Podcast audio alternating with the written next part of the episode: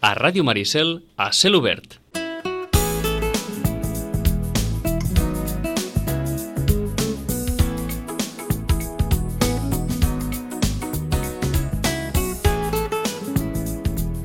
L'exposició es diu Pepito Zamora, un artista de revista. Està ubicada a Can Rocamora, a Can Rocamora. Fins al 2 d'octubre hi ha temps per anar-la a visitar i, a més a més, eh, visites guiades per si algú vol anar i eh, d'alguna manera que el guin, que li expliquin la història d'aquest personatge a través de les seves obres. Sàpiguen que hi ha visites guiades en anglès i en català. Eh, quatre diumenges, diumenge 10 de juliol, diumenge 24 de juliol, diumenge 14 d'agost i diumenge 28 d'agost a les 11 en anglès i a les 12 en català. I qui ha comissariat aquesta exposició? Doncs Isidre Rossetti Juan, i aquí el tenim. Bon dia, Isidre. Bon dia, Carola. Apropa't una miqueta més al micro perquè et puguem escoltar perfectament. Vinga, d'entrada la pregunta, que no sé si és la més fàcil o la més difícil. Qui era Pepito Zamora? Val, doncs Pepito Zamora era un artista de revista i en, tot, en el sentit més ampli de la paraula, no? Era un dibuixant que va néixer a Madrid el segle passat, no, a l'altre, perquè ja n'hem passat un altre, no? Uh, una d'aquestes, uh, justament la data de naixement, és una de les mm, coses que, que es posen en clar aquí, no? Perquè mai s'havia sabut ben bé quan, quan havia nascut i ara ja ho sabem. És un senyor que va néixer doncs, a, a Madrid, que va viure la vida, la vida loca de, dels anys 20, no? I, de, i també potser dels anys 10, perquè uh, va conèixer a la Carmen Tortola València, va ser d'aquesta d'aquesta mm, d'aquest moviment que en diem els psicalíptics, Sí. doncs que eren personatges doncs, que a través de, de la música i a través de la novel·la se'n reien una mica de, de la moral mm, d'aquella època, que parlem doncs, de fa ben bé 100 anys, no? Perquè doncs, el, Que no era fàcil, eh? És a dir, que, que, que potser, no dic que ara que ho sigui, però bastant més que en aquella època, eh? És a dir, fer aquest pas, no?, de ser crític o cínic o... o... Sí, una mica això, no? Àcid, no? Perquè ells a través del couplet, sobretot, de les cançons de, de la- Sí. de l'espectacle, de revista, no? Doncs, o de la dansa, perquè la Tortola València, la Carmen Tortola València, era una ballarina doncs, que es podria comparar a la Sara Bernard, no? O, o a, bueno, a la Paulova. És una ballarina que, que està per descobrir i que aquí en aquesta exposició també té un paper molt important. En Pepito Zamora, bueno, que realment es deia José, José de Zamora Baixeres, eh? ell va, va néixer, com t'he dit, a Madrid, però el seu pare, quan ell va néixer, estava a Cuba perquè el seu pare era militar. Aleshores, ell també era fill d'una segona relació, perquè el seu pare es havia quedat vidu, i llavors, doncs, també venia una mica... Era una mica aristòcrata, eh? Tenia... No, no era un mindundi, era un, un personatge doncs, que es codeava amb l'alta societat. I llavors també doncs, a Madrid, també tenia família aquí a Barcelona, perquè el Baixeres, aquest segon cognom, és un cognom molt català, Sí. i aleshores ell pues, ja des de molt jove va, va viatjar a París. Abans de fer la mili, ell va viatjar a París i, i, va, uh, i, i allà va començar a treballar amb el Paul Poiret, uh -huh. que és, això són paraules mayores. I el Paul Poiret també en aquell moment estava fent una, una revista, un teatre, un, un, una gran revista, Sí. no? Amb uns vestits Que estem parlant impressionants. de l'època en què la revista era el gran teatre i espectacle de l'època, eh? Sí, Clar, sí, sí, ara sí. no seria el cas, però en aquella època sí, els Bueno, serien els espectacles de musicals. revista, exacte, eren com els grans espectacles de l'època que la gent anava en massa, sobretot la gent pudent, no? La gent que tenia eh, economia i també els que no. No, no et pensis, eh? La, la revista era un espectacle molt popular, perquè, a més, aquells vestits, que justament el que feia Pepito Zamora, en aquest cas, era fer els vestits, el vestuari. Ell és un figurinista. Si tinguéssim de, de definir-lo, és si un dibuixant... dir una paraula, figurinista, seria la paraula. Figurinista és la persona, el dissenyador, doncs, que dibuixa els tratges, busca les teles... Bueno, també hi hauria aquí Sitges figurinistes de sabates, Sí. eh? O, o de barrets. Sí. Un figurinista és un dissenyador de moda que el que fa és dibuixar. I en aquesta exposició el que tenim és que hi ha uns figurins eh, impressionants no? d'aquesta època, perquè tenim de pensar també que Pepito Zamora va estar a París, però quan va començar la guerra del 14, del 14 al, al 18, Sí. no? doncs la Primera Guerra Mundial, ell va marxar de París i llavors uh, va tornar a Madrid. I a Madrid era també on es refugiaven doncs, molts de, dels artistes que, que, que, que per Fugien. causa de la guerra, tant a la Primera Guerra Mundial com a la Segona Guerra Mundial, ja ho sabem, això va passar, no? I Pepito, o bueno, aquest senyor José, Pepe també, no? El Zamorita també li deien, perquè era un, un senyor així baixet. Doncs aquest senyor va treballar en aquest aspecte al figurinisme però també amb moltes altres coses, perquè ell, per exemple, va fer dibuixos pels cuentos de Calleja, que són uns, uns contes seria una mica com la Lola Anglada, no? Sí. El dibuix aquest molt clar, de línia clara, però amb uns temes que, que mm, al·lucines, perquè uh -huh. ell doncs també eh, escrivia eh, sobretot de les Mil i una noches, tot això del tema oriental, però després ell també feia alguns, eh, al- alguns contes. I n'hi ha un, per exemple, que es diu La princesa més fea del mundo, que és a l'anticonte, no? Seria aquest psicalipsis, aquesta psicalipsis seria això, no? Anar a buscar el, el, el contrasentit total, ensenyar el que no s'ha de fer, però en el fet que tu estàs ensenyant el que no s'ha de fer, ja estàs ensenyant. Per tant, Exacte, que, que això ara no ens sona estrany, però clar, ens hem de remuntar a la primera, o sigui, a fa dos segles, eh? És a dir, Bueno, eh, als anys 20, als anys 30, 20, clar, i després és un personatge que té un recorregut molt llarg, no?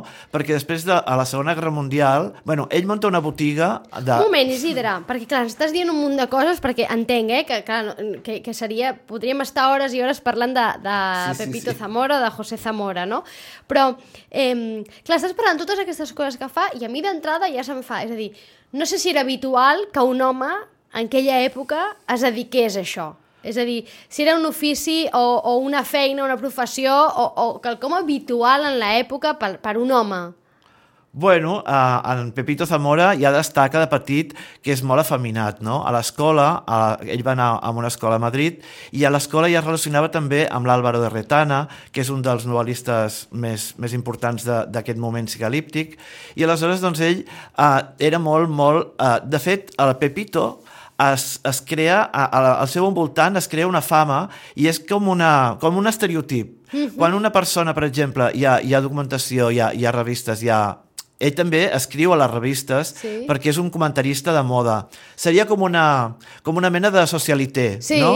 Un, seria com un, un d'aquests que surten al Sálvame, Sí. que són mo, el, el, bueno, tots aquells, sí. no? Doncs en el seu moment ell va, va, va, va crear aquest, aquest estereotip un, senyor, un, un noiet molt, molt així, molt afeminat, i a més que ell es maquillava, anava amb abrics de visor, Clar, és a dir, però i això ell no ho amagava pas, al contrari, eh? era una persona que s'expressava amb tenia una expressió eh, lliure, no? d'alguna manera s'expressava en llibertat. Entenc que a través d'aquesta mirada més cínica o més àcida eh, feia la seva crítica no? i aprofitava aquests camins, però era un home que d'alguna manera, ara estudiant-lo des de fora, sentíeu que s'expressava amb llibertat? O està clar, perquè imagina't, amb, amb 20 anys, o pràcticament que ell se'n va a París, doncs també allà veu el món per un forat, no? Perquè París en aquell moment, als anys 20, era la, la folie, la galleté, no? Sí. Perquè uh, és això, no? El, el personatge és molt interessant perquè té, té molts prismes.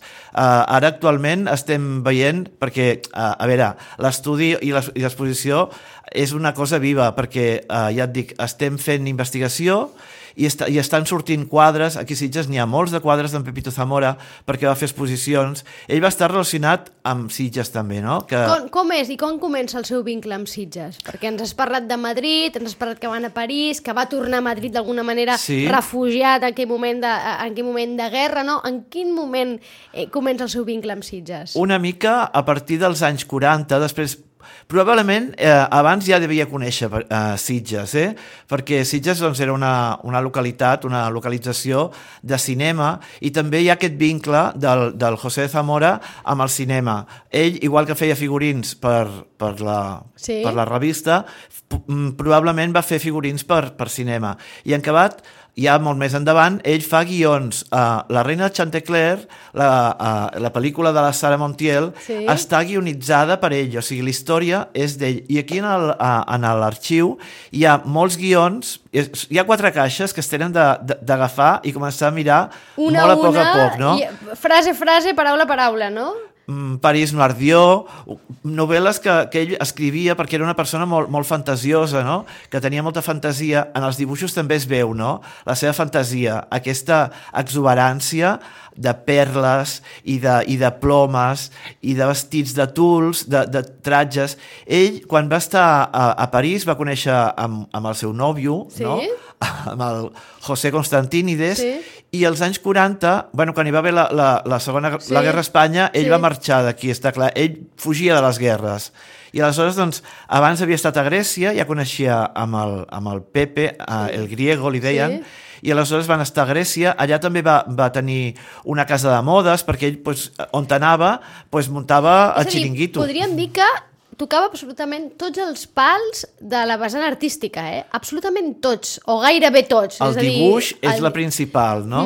I després també eh, aquesta vessant de, de la moda i de l'escriptura, no? perquè ell feia també cròniques de, a les revistes sobre París. Era un publicista també, perquè hi ha, hi, hi- hi ha revistes on ell, els dibuixos són de, de, mm, de publicitat floràlia, de, de colònies. Igual que la Carmen Tortola València va ser la model de Mirúrgia, ell també en aquest camp doncs, va, va destacar, no? perquè hi ha una, una empresa que es diu Floralia i llavors la publicitat d'aquesta marca, ell la, la, la fa. Són dibuixos un tip, una mica vers, Versley, saps? Aquí, o, o, o Smith, no? Aquí, mm, picants i eròtics inclús, Sí. o sigui, seductors, dibuixos que, que són molt, molt interessants. Ara tornarem al moment, amb el vincle amb Sitges, eh, que ens hem quedat allà perquè t'he aturat jo, però em, eh, era un home recon... o sigui, el seu art, la seva obra era reconeguda en el seu moment? És a dir, la, eh, el reconeixien les seves, la seva vessant, aquesta vessant artística, aquesta capacitat artística, qualitat artística, era reconeguda en el moment? Jo ja, ja t'he comentat, no? Era més que reconegut, era, era un estereotip. Eh, eh, quan venia, per exemple, hi, hi ha documentació, abans t'ho explicava, no? Que si ve un, un marajà i ven els ulls pintats de cul, doncs llavors li deien, i va com Pepito Zamora, o sigui, ja era un... Un referent, sí, no? un referent de- de- d'aquest- d'aquesta diguéssim, ploma o Sí. d'aquest amarament, no? D'aquest Sí. personatge, jo no el vaig conèixer, està clar, perquè va morir el 71, hauria pogut conèixer, però diria d'aquest estereotip de mariquita, no? Que potser... Clar, que, és un terme que en aquella època doncs, eh, està clar que és posterior al terme, no? però que d'alguna manera sí que ens permet fer-nos una idea no? del personatge de persona perquè entenguem què era, no? que se'ns fa també com difícil pensar que en aquella època no? Em, hi havia algú que eh, sentia aquesta llibertat i sentia la capacitat d'expressar-se amb aquesta llibertat no? i que d'alguna manera la gent l'ubicava i el tenia com a referent no? de- d'aquest tipus de personatges. Tornem a Sitges. Quan comença el seu vincle amb Sitges? Deies, Als anys 40... als anys 40 pel cinema, no? Sí, mm, bueno, als anys 40 pel teatre, Pel teatre. A, a, a Barcelona i a la companyia dels vianesos. I després també hem, hem averiguat, perquè quan dic hem, és jo i la Montse, I la Montse Montserrat Esquerda, exacte. que ella doncs també ha, ha, participat Ella en la la, investigació. exacte, eh? és la responsable del grup de memòria de l'associació Color Sitges Link, que d'alguna manera és qui ha eh, incentivat i fomentat aquesta exposició, eh, que recordin que està a Can Rocamora. Per tant, deies, que t'he tornat Llavors, allà. a Sitges ella arriba mm, probablement uh, convidat o, o avisat pel César González Ruano, perquè tots dos ha- havien estat a París i llavors doncs, tenen aquest és de Madrid també, i aleshores segurament que César li va dir mm, a Sitges estaràs molt bé, ell sabia que aquí hi havia un clima, no un clima de, de, de sol, sinó un clima social molt, molt, Molt obert o tolerant, O, o, sí, molt obert, i aleshores ell descobreix Sitges, i no, no només descobreix Sitges, sinó que el fa descobrir a la, als seus uh, amics uh, parisencs. Ell fa un aparador a, a l'oficina de turisme de París, Sí. de l'oficina de turisme espanyol, on ell posa Sitges com si fos Nisa, no? Com si fos Sitges, Sí. la ciutat de los claveles, o vés posar, vés saber què devia posar perquè era una persona molt, molt imaginativa, no? Ell devia posar l'exposició de claveles. Clar, això ho fa a l'any 46, 56, que és també l'any que ell fa al cap de la vila, a l'altar del cap de la vila del Corpus. Això vol dir que ell es va integrar plenament amb la vida sitgetana. I amb els sitgetans, no? Clar, és a dir, perquè- no sé he pogut parlar també amb persones que l'han conegut. Uh, sí, sí, sí. Bueno, una de les persones que l'han conegut és el Josep Maria Rosselló, Sí. el pintor, no?, del Cap de la Vila, que hi ha uh, la pintura al Cap de la Vila, i ell va estar aquí. Justament ell, el Rosselló, els, els hi va fer dos retrats, un amb el Pepito i un amb el Pepe Amb la Riego, parella. no? I aleshores, doncs, aquests retrats són, diguéssim, l'entrada de l'exposició. Tu ja quan vas a l'exposició clar, són personatges eh, en el seu, eh, el 71, que realment ja tenien pues, 79, 80 anys, no? I Que eren grans, eren grans. Però t- estaven plens de- d'energia i, i estaven, per exemple, eh, preparant una, un passe de models aquí a, a Sitges que es deia Moda a Porto Alegre 1972. Eh? Molt hippie, seria com a l'adlib de, d'Ibiza, no? amb blancs i així, i ell parla d'aquest projecte dient doncs, que li agradaria fer-lo sobre les roques. També tenim de pensar que el Pepito Zamora estava molt ben connectat amb tot el que era la la élite d'aquell moment, no? la burgesia o, o els nous rics. Tinc la sensació que era un home que se sabia moure molt bé, no? És a dir, devia tenir també un punt, un punt de relacions públiques que li diríem ara, no? Una persona que sap eh, establir relacions, connectar, no? Generar eh, Sí, sí, sí, eh, exactament. contactes i relacions amb allà on anava, no? Madrid, París, Sitges, de seguida, no? Aconseguir això. Probablement una persona doncs, amb capacitat de lideratge, no? Pel que Sí, expliques. sí, sí, sí, sí, clar, ell, eh, el dibuix era lo més important, però també les seves les relacions públiques que, que ell establia justament, no? Mira, fa, fa ahir, o abans d'ahir vam anar al Boramar, no?, a parlar amb el Cisco i la Carmeta, i ell i, i ens va comentar que, que, doncs, que, que ell que, que el record de la Carmeta amb uns mocadors, així com a que portava uns mocadors, ens feia així, a, a, com lligats aquí al coll, no? Clar, un personatge així cridava l'atenció i a més era una persona molt brillant, molt, mm. molt aguda, que mm, tenia la paraula molt fàcil i després la resposta ràpida, no? Mm -hmm. Era una persona inclús molt tallant o molt seca mm -hmm. perquè, sí, perquè, clar, ella es devia haver trobat amb, amb moltes situacions compromeses o, o, o, o, o homòfobes, I, no? I al llarg de la seva història, en el que heu pogut estudiar d'ell, eh, no, eh, heu sentit en algun moment repressió en la seva, en la seva trajectòria? És a dir, que en algun moment eh, eh, heu sentit que la seva obra podia haver si, mm, Censura senyals o censures de repressió o no? Perquè fa la sensació també que la va saber evitar, no? I la va saber com torejar, podríem jo dir crec d'alguna que se'n manera. va salvar, no? Que, que ell va anar, mm, ja et dic, quan hi havia guerres, ell el primer que feia era Marxar. marxar. Eh, va anar, a, va estar a, a Grècia i, i probablement també potser va viatjar a Amèrica, perquè això no... És, és una vida molt llarga, la de, de, la de Pepito Zamora, i, i, no, i no tenim tota la informació. Els documents que han arribat aquí, per casualitat, ens parlen de moltes coses, ens parlen de les partides de naixement, hi ha uns documents que són... Bueno, és molt interessant, però realment eh, repressió ell la va evitar molt. Tenim de pensar també que els anys 30 van ser uns anys molt lliures. Uh -huh. uh, sí que hi va haver després el gran catacruc, no? Sí. Però després també ell, durant els anys 50, va tornar a París i va tornar a fer figurinisme. Un figurinisme molt diferent del que havia fet, perquè, clar, als anys 30 les dones pràcticament ell no les vestia, sinó que les despullava. Uh -huh. I als anys 50, 50, doncs ja és un tipus de, de, de vestit més de mm, Violeta d'Espanya, les violetes imperiales. Sí. Ell va fer tota la decoració, o, bueno, tota la decoració, tot el vestuari de Violeta, mm, Violetes imperiales. Uh -huh. I això era una gran producció, era com fer una pel·lícula a lo, a lo bèstia, no? I els trajes eren fabulosos, o sigui, imagina't els I mirinyaques. malgrat això, que- queda clar que era una persona carismàtica, profundament carismàtica, no?, pel que expliques. Sí, és a dir, sí, una sí, persona sí. molt carismàtica i malgrat això, i malgrat que aquí Sitges sí que n'hem sentit a parlar, perquè més ell va morir Sitges, oi? Si no, Sí, sí, sí. Va morir a, a aquí a Sitges. Mm, No, és, no sé si és una persona que eh, d'alguna manera sentiu que amb tota aquesta gran obra que ell ha deixat i que Mhm. uh -huh. tot aquell llegat eh, se'n parla poc. Perquè també tens de pensar que els figurins el, són papers, són dibuixos. Obra així... Sí que hi ha retrats també, hi ha molts retrats que, que per exemple, són de, de poeteses, perquè ella es va relacionar sempre amb les dones. Va tenir una, un contacte molt, molt uh, Estret. estret amb les dones. Ja perquè la seva família també tenia dues germanes i, i la seva mare, ell ho explica amb articles que, que apareixien a, a l'ABC, en una revista de l'ABC. I llavors ell explica el Madrid entonces, no? El Madrid de. I explica aquestes històries perquè ell també estava molt lligat doncs, a, a, a Madrid, a Aravaca, havia fet eh, bueno, un, poble, un poblet que hi devia haver allà i que ell anava de vacances i que en allà pues, ell disfrutava i es posava una llana per sobre i això pues, mm, era molt, molt original. Jo penso que és un personatge que, que, que l'hem de, de, I de que- reivindicar, no? L'hem de reivindicar des, i des de Sitges entenc que és el lloc ideal per fer-ho, no? El carnaval, per exemple, els, la festa de carnaval eh, és una cosa increïble, no? Perquè tu veus els seus vestits i penses, aquest home es va adelantar a l'època, perquè mm, els biquinis, vull dir, tot això... És que eh, tot el que estàs explicant fa la sensació que ell sempre ha anat per davant de l'època, no? Sí, sí, sí, era una persona que, que, que veia en, per, per endavant. El Club de Mar també va ser un lloc on ell va, va treballar eh, amb decoracions i justament també hi ha un quadre que pertany a la col·lecció de, de, de Sitges, Sí. dels museus, que és amb el tema del rally. Mhm. Tenim de pensar que el rally de Sitges, el rally de Barcelona a Sitges, Sitges, sí. era el diumenge de Carnaval.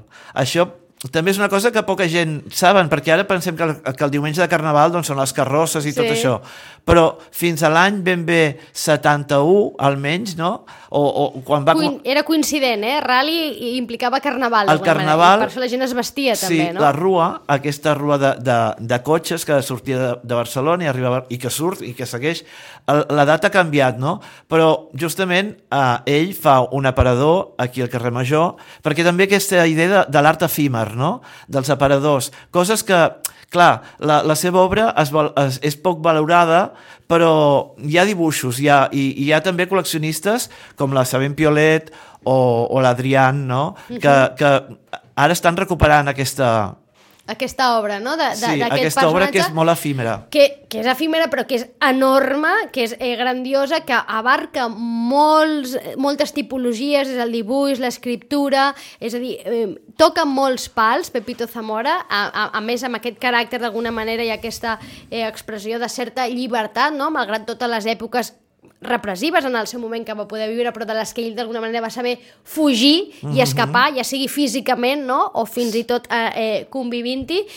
Una exposició que està a Can Rocamora fins al 2 d'octubre, eh, que entenc... Digues, Un digues. apunt, un apunt vull fer, perquè, uh, clar, ell va fer exposicions aquí a Sitges Sí. i la seva obra està escampada. Hem trobat obra, per exemple, a, a la paret de, de la pizzeria del Cap de la Vila, Sí. hi ha un Pepito Zamora. Sí. I, I com aquest n'hi deuen haver, pues, no sé, Que, a diré més a més, jo crec 500, que és perquè un- ell vivia d'això. És un, un, un quadre que impacta bastant, eh? Un petitet, sí, molt petitet, sí, sí. eh? Sí, sí, Que però... és com un figurín, és com una invitació. però jo crec que impacta. Bueno, jo, jo el recordo eh, des de sempre de, fi, de fixar-me en aquell dibuix, eh? perquè em semblava un dibuix, eh, eh, pues això, una, aquestes figures, un dibuix tan detall, amb tant de detall... Molt modern, no? Sí. Molt de- d'un vestuari. De... Per tant, hi ha obra escampada, per tant, entenc que queda feina per fer, eh, en Pepito Zamora. Volem, bueno, la, la idea és que el blog, de, que, obrir un blog i en aquí pues, anar, anar incorporant totes aquestes notícies, perquè també l'espai a Can Rocamora és reduït, no? I, I a partir d'aquí també volem fer, o, o estem ja preparant una exposició a la biblioteca, perquè ell també té molts llibres, eh, va il·lustrar molts llibres, va fer discos, i aleshores tot aquest material que s'ha quedat una mica uh, al calaix, el volem treure, no? El, i, i, I a mitjans ja de juliol uh, a la Biblioteca Santiago Rossinyol hi haurà una petita exposició i després de cara al setembre, que serà ja cap al final de, de, de la magna exposició, aquí en l'Arxiu Municipal de Sitges, uh -huh. històric municipal, doncs també farem una, una mica de recull per, per mostrar tota aquesta... gran obra Sí, no? de Pepito, de Pepito gràcies, Zamora. Eh, del que ja tenim moltes ganes de conèixer més coses ja saben, poden visitar aquesta exposició fins al 2 d'octubre a Can Rocamora. Isidre Roset, moltes gràcies tu, per descobrir-nos aquest personatge si algú no sabia També. hi ha moltes coses a dir, el que passa que se'ns acaba el temps Val. perquè ara ens Penseu que ve hi ha- un mag ens ve un mag. Ah, hi ha una ruta també que fem des del cementiri Sí. i que eh, són els dissabtes al matí. Uh -huh. eh? Si voleu venir, esteu convidats. Vaja, que toca tots els pals gràcies Isidre A tu, Carola. gràcies